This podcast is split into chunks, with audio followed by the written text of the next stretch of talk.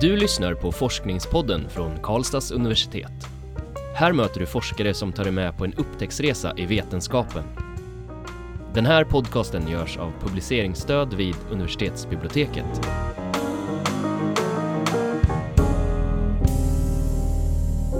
Hej och välkomna, mitt namn är Nadja. Jag heter Magnus. Och här, det här är 28 avsnittet av Forskningspodden. Och med oss har vi Anna Abelsson som är doktor i omvårdnad. Varmt välkommen Anna! Tack så mycket! Vi ska prata med dig om din doktorsavhandling idag. Och den heter Simulering som lärande inom prehospital akutsjukvård. Um, kan du ge ett exempel på vad det här är? Jag har tittat på eh, hur man eh, omhändertar svårt skadade patienter eh, inom ambulanssjukvården i Sverige. Eh, och jag har tittat på hur man kan simuleringsträna personalen att öka sin kunskap, bli bättre på traumaomhändertagande. Okej, okay. och hur väcktes ditt intresse för just den frågan? Ehm, jag är sjuksköterska och började jobba på sjuk sjukhuset. Ehm, och sen så eh, började jag jobba på ambulansen som sjuksköterska och tyckte att jag var välutbildad men hamnade då i en situation där jag var ensam.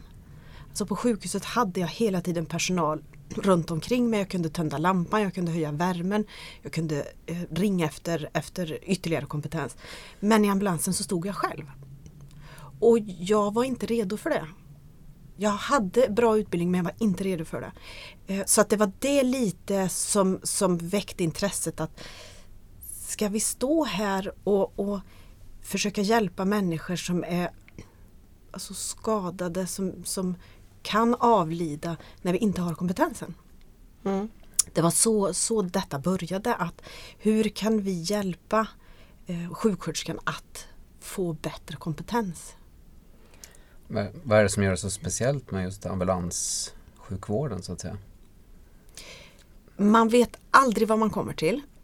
Eh, du får ett larm som i många fall inte stämmer. Alltså informationen som du vet på vägen ut kommer inte att stämma för att när någonting alltså, traumatiskt händer eller hastigt händer Folk som ringer SOS får inte riktigt uppfattningen om vad som har hänt eller de, de framställer det inte korrekt. Utan man kan komma till något helt annat som man inte är förberedd på. Och just det här att inte vara förberedd. Jag har inte kunnat tänka in att nu gäller det ett barn som har brutit benet och vi ska ta loss barnet ur bilen och sen ska vi stabilisera det och så ska vi lasta det. Då har jag en planering på vad kommer jag att göra. Sen kommer jag fram och så är det en lastbil som har kört av vägen och det är en farbror som inte har livstecken utan nu sitter han fast och vi kommer inte få ut honom. Så nu ska jag göra något helt annat. Det är just det här att, att kastas mellan olika saker snabbt. Det här är ju någonting som tilltalar personalen i ambulansen så det är inte det att det bara är, är alltså negativt utan det här är en utmaning som också alltså stimulerar att göra det bästa man kan. Eh, men man vet aldrig vad man kommer till och man har inte man har inte alltså händerna så att det räcker till. Man har inte materialet som räcker till. Man har ofta inte kunskapen mm. till vad ska man göra. Utan med erfarenhet så kan man lära sig hur ska vi bete oss i vissa situationer? Ja men vi gjorde så då, det gick inte bra. Ja men då gör vi något annat här.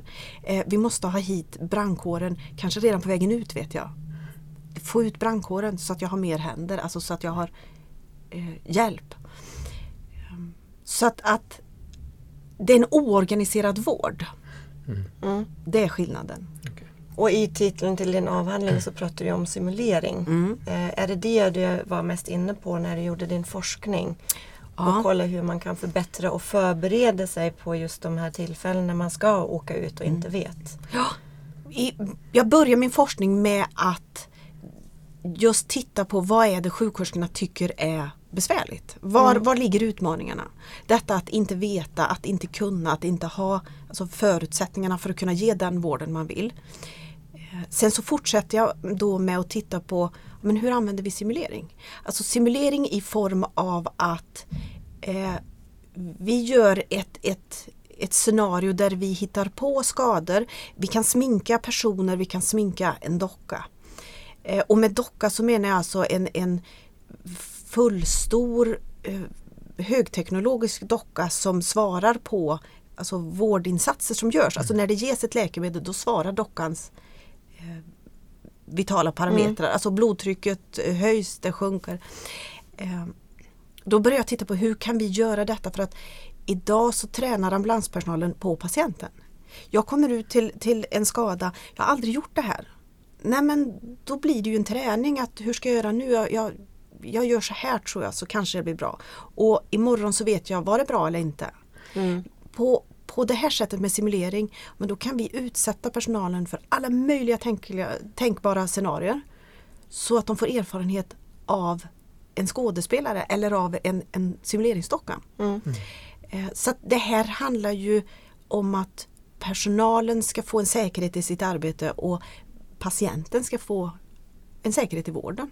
Mm. Är det simuleringen, ha- handlar det mest om just om de, de fysiska eller medicinska aspekterna av vården eller till, har det liksom simulerat organisatoriska aspekter också? Eh, Ja, alltså på en skadeplats så är det först ambulansen som kommer och blir ansvarig för skadeplatsen. Så att eh, de två sjuksköterskorna ska ansvara för hela organisationen och för sjukvården. Så att i det här innebär det att de, de får alltså träna ifrån stunden de kliver ur bilen på skadeplats så tränar de allt. Hur ska de använda sina resurser? Ska de begära mer resurser? Eh, vilka patienter ska de lägga mest resurser på? Vilka patienter kan vänta? Ehm, också detta, hur ska vi använda brandkåren? Hur ska vi använda polisen? Så att det är inte bara alltså, den direkta patientvården utan det är även hela organisationen. mm. Är det. Ja, du beskriver din, i din avhandling att det är ett väldigt komplext kunskapsfält. Är det det du menar med i och med att det är så många olika faktorer som spelar in? Eller är det något mer man kan tänka sig som du fick ta hänsyn till i den frågan? Är det själva vå- vårddelen plus det här hur vi strukturerar upp allting runt omkring? Ja, det, är- det är hela situationen. Och det är Mm. ju det också som är specifikt med ambulanssjukvården, att det är så mycket runt omkring. Tänk er att vi har en trafikolycka och vi har två skadade i framsätet och så har vi två oskadade i baksätet. Mm. Men de har ju en otroligt nära relation till de två i framsätet.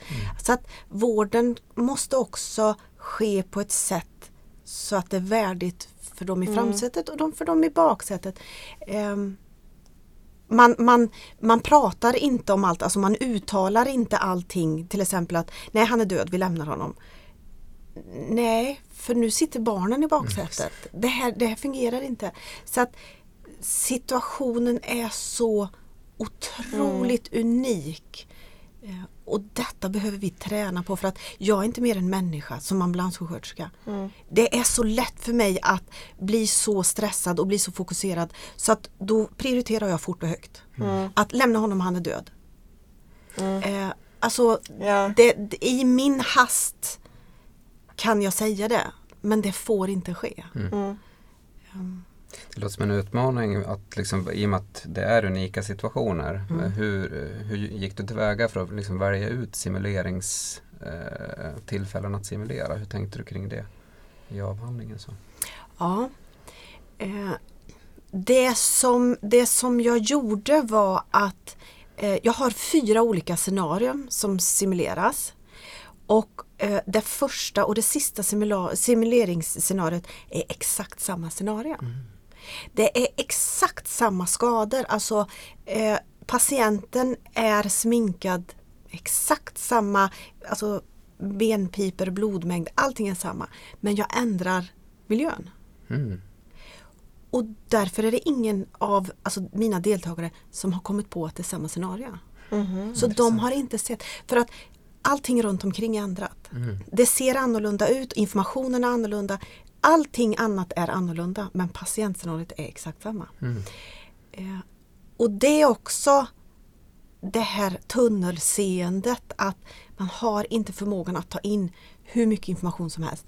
Utan man måste på något sätt begränsa sig. Och då, då kan man använda tunnelseendet alltså som ett positivt sätt att arbeta. Att jag, jag kapar av ganska mycket information som jag vet, jag behöver inte den nu utan jag får lyfta blicken om en minut. Då behöver jag den, den informationen. Eh, nu svarar inte jag på din fråga. Hur valde jag scenarion? Jag valde scenarion som är väldigt alltså, typiska. Det här är inte några fantastiska saker som aldrig händer. Eller, utan eh, det här är klassiska eh, trafikolyckor Okej. som man råkar ut för ofta. Eh, Så att det, det var, jag vill inte veta något unikt hur, hur personer just den här dagen hanterar en unik skada. För det, det var inte för mig då så intressant. Utan det är mer det här alltså grundläggande. Kommer de att identifiera att patienten blöder jättemycket? Kommer de att stoppa den eh, blödningen? Eh, Så det, det var, alltså mitt mål var att få det vardagliga. Mm. Så valde jag. Jag blev lite nyfiken nu när du sa att du hade två scenarion med helt Alltså egentligen var det samma Mm. sak men du gjorde Mm. olika eh, bakgrund och så. Mm. Vad är det ni såg då? Vi såg att eh, det är väldigt mycket information som ska tas in och det är väldigt mycket åtgärder som ska göras. Eh, vissa åtgärder som är ganska livsviktiga missas i för stor utsträckning. Så det var bara för att de fick för mycket information egentligen att de inte kunde hantera eller? Nej, utan det här är alltså en, en ambulanssjuksköterska arbetar utifrån eh, alltså små minnesramser. Allt arbete sker utifrån minnesramser. Och då jobbar man A, B, C, D, E. Så att allting utgår ifrån A, B, C, D. Vet jag inte vad jag ska göra, då faller jag tillbaka på A, B, C, D. Kommer jag bort mig, då börjar jag på A. Eh, och detta är alltså Airway, Breathing, Circulation, Disability och Exposure. Så att eh, alla måste ha en fri luftväg. Alla måste andas. Annars finns det ingen mening med någon fortsatt vård utan då dör du. Eh, att vi då har ett antal sjuksköterskor som har missat att ge en fri luftväg är inte bra. Eh, utan då, då blir resultatet att då måste vi backa tillbaka och så måste vi gå på de mer grundläggande. Alltså detta träna A, B, C, D, E, A, B, C, D. Eh, det kan ju vara alltså, väldigt lätt åtgärd men livsräddande för många personer. Mm. Eh, Så att vi behöver inte göra jättefantastiska utbildningsinsatser som är stora och dyra och vi ska eh, använda många ambulanser och vi ska köra tut-tut. Utan det kan vara så här att vi ska sitta i fikarummet och så ska vi mata. Mm. Vad gör vi på A? Vad gör vi på B? Vad gör vi på C? Eh, Det kan vara så enkla saker. Okej. Kunskapen finns där redan på något sätt. Och, Ja det finns det men ibland går det så fort så de tappar bort den. Ja. Och då, då just det här att men nu blöder det jättemycket här. Ja fast patienten måste fortfarande andas. Du måste börja på A. Eller, alltså, sätt handen och tryck till blödningen och så börjar du på A. Eh, det här att, att lära sjuksköterskorna strategier för att många saker ska göras samtidigt fast det måste finnas en metodik i det. Mm. Du nämner ju sjuksköterskorna och i en av dina delstudier så har du intervjuat dem och så. Mm. Kan du berätta mer om den studien? Vad var det som framkom i intervjuerna med, med dem? Första, första intervjustudien var just det här att ta reda på hur upplever de på skadeplats? Alltså vad känner du när du får ett larm? Vad tänker du när du åker ut? Hur känner du på plats? Vad tänker du efteråt? Och då framkommer den här ensamheten. Att alltid vara ensam. Och då är det det att men jag hoppas att jag kan, jag tror att jag kan. Tänk om, tänk om jag gjorde fel här nu. Tänk om jag hade kunnat göra något annat. Då hade han kunnat, kunnat överleva. Alltså de här känslorna att alltid leva med lite lätt ångest och lite lätt rädsla att kanske vi skulle ha gjort något annat. Och så åker de hem och så läser de för att ja, men, nu måste jag läsa på om jag gjorde rätt eller kan jag fråga någon annan? Ja men då sätter vi oss vid fikabordet och så frågar jag, jag gjorde så här, vad tycker ni om det? Eller så frågar jag, vad hade du gjort här? För då vill jag ha en bekräftelse av vad hade du gjort? Och vad skönt du hade gjort samma sak. Ja. Så att det finns hela tiden en otrygghet i den utsatta situationen. Fast ändå så en oerhörd, alltså tänker vilka starka människor som orkar leva med detta hela tiden. Detta ansvaret att det är du, det finns ingen annan. Och ska den här människan överleva då är det avgörande hur du gör nu inom de närmaste tre minuterna. Och det, det, det är också detta Tänker då om vi kan utbilda dem snabbt, billigt, enkelt, ofta. Så att de får upp den här känslan, ja men jag vet det här, nu har, vi, nu har vi gjort det här många gånger och vi har pratat om det. Nu känns det skönt. En säker sjuksköterska är också en bättre sjuksköterska. Alltså jag ger bättre vård när jag är självsäker på att jo men här, nu trycker jag till här och så vi fixar detta vet du. Eh, så att eh, de har en utsatt arbetssituation, de behöver stöd, de söker bekräftelsen som de behöver men de får den inte alltid. Okej. Ehm, Hur ser det ut med, med liksom stödfunktioner inom vården för, eh, för sjuksköterskorna helt enkelt? Ja. Vart vänder de sig? ehm, det som man gör i verkligheten det är att man använder sina arbetskamrater. Mm. Det gör man för att, att hitta just den här bekräftelsen eller lära sig något nytt. Eller man vill också höra kollegor berätta om vi var ute på den här olyckan och så gjorde vi så här och då blev resultatet det här. Jag kan alltså få kunskap av att du berättar. Jag behöver inte ha gjort det. Och det är ju lite det vi kan använda vid simuleringen. att Vi simulerar ett scenario och sen så diskuterar vi om scenariot och så diskuterar vi allt möjligt runt omkring. För att då kommer just det där att, ja men då kommer jag att tänka på, vi hade det här, han hade ramlat från ett tak och så hade han, och då vi fick inte loss honom och så skulle vi och så hör jag hur andra har löst problem. Detta ger ju mig erfarenhet. Så att simuleringen är ett sätt att öka erfarenhetsbanken hos samtliga. Och vad skulle du säga är det viktigaste bidraget med avhandlingen då? Är det just att du lyckas visa på simuleringens betydelse tycker du? Eller är det något annat du vill lyfta fram? Ja, Um, det, det som jag har sammanfattat det är, är alltså som, som en lätt metodisk ehm, alltså utbildnings en utbildningsmetod. Alltså, vi kan börja lite lätt med en typ av simulering och så gå vidare till nästa typ av simulering. För att just det här börja i en baskunskap hos alla och så bygger vi vidare på, vi gör det lite mer avancerat, vi tar in flera skadade, eh, vi har det skriftliga patientfall, vi har alltså hands-on patientfall. Eh, den, den jag har fått förmånen att börja få införa den i ett landsting i Sverige. Och just det här att, att få bygga på. För det är det att eh, det är jättebra att göra enstaka moment men just det här att få, få alltså skapa större och större kunskap hos sjuksköterskorna. Det skulle jag vilja jobba vidare med. Det låter som att det finns frön till fortsatt forskning också kanske? Ja, då? ja, det är det. Jag har en fråga. Eh, När du började eh, berätta om din avhandling och så, så sa du att eh, du kom in på det när du fick åka ut själv någon gång med ambulansen. Mm. Är det så att det är bara en person som är med i ambulansen? Nej, man är två. Man är två personal i ambulansen. Eh, svensk lag sedan 2005 säger att en personal måste eh, ha en sjuksköterskelegitimation.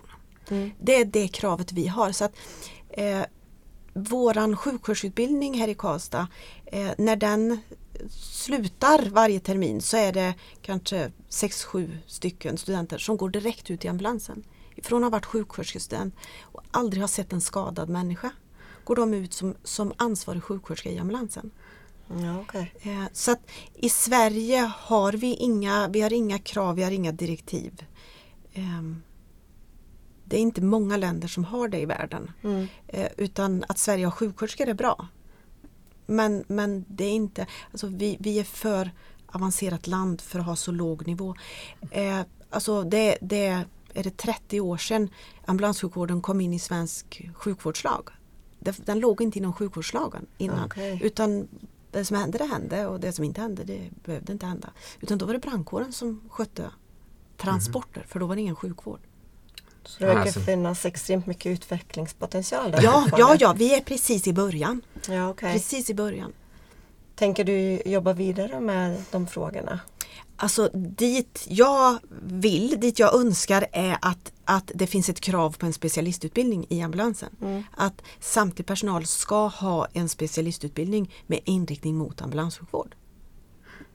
Och det, det är på, på grund av min egen erfarenhet att jag kom som välutbildad intensivvårdssjuksköterska och tyckte att det här går ju jättebra.